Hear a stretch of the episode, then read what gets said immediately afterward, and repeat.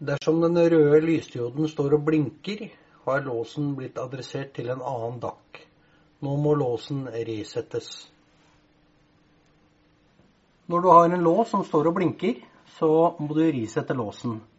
Det første du gjør, det er at du tar av strømmen her, på denne jumperen. Så stiller du dip nummer 8 i off stilling til venstre, og så setter du på strømmen igjen. Da har du 30 sekunder til å skyve bryteren opp og ned seks ganger bak låsen. Når du skal risette låsen til den nye dakken din, så må du flytte bryteren opp og ned seks ganger.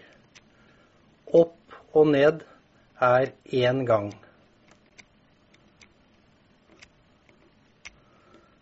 Nå lyser låsen konstant, og den er klar for å adresseres til den nye dakken.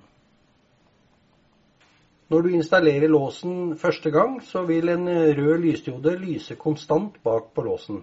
Da er låsen klar for adressering. Når lysdiode bak på låsen ikke lyser, så er den ferdig adressert til dakken.